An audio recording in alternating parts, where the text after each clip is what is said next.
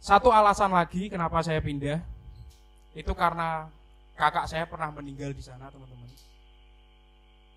Ini beneran. Kakak saya pernah meninggal di sana dan inilah menjadi faktor kenapa kami pindah karena ibu saya susah melupakan kakak saya. Dan yang kami sekeluarga sesali waktu itu adalah kami tidak sadar.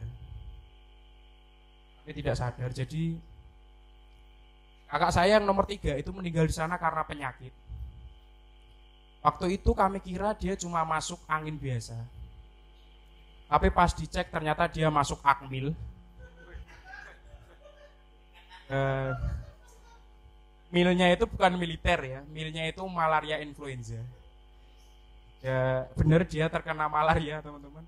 Dan kita nggak sadar. Kita baru sadar setelah tiga hari. Beliau panasnya udah tinggi, nggak turun-turun. Dan waktu itu pun pas hari pertama dia sakit, dia kan habis naik gunung teman-teman. Habis naik gunung sebenarnya badannya udah gemeteran gitu. Dia pulang itu badannya udah gemeteran semua.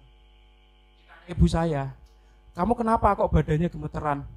Oh, enggak apa-apa. Ini ada telepon. Halo. Oh iya.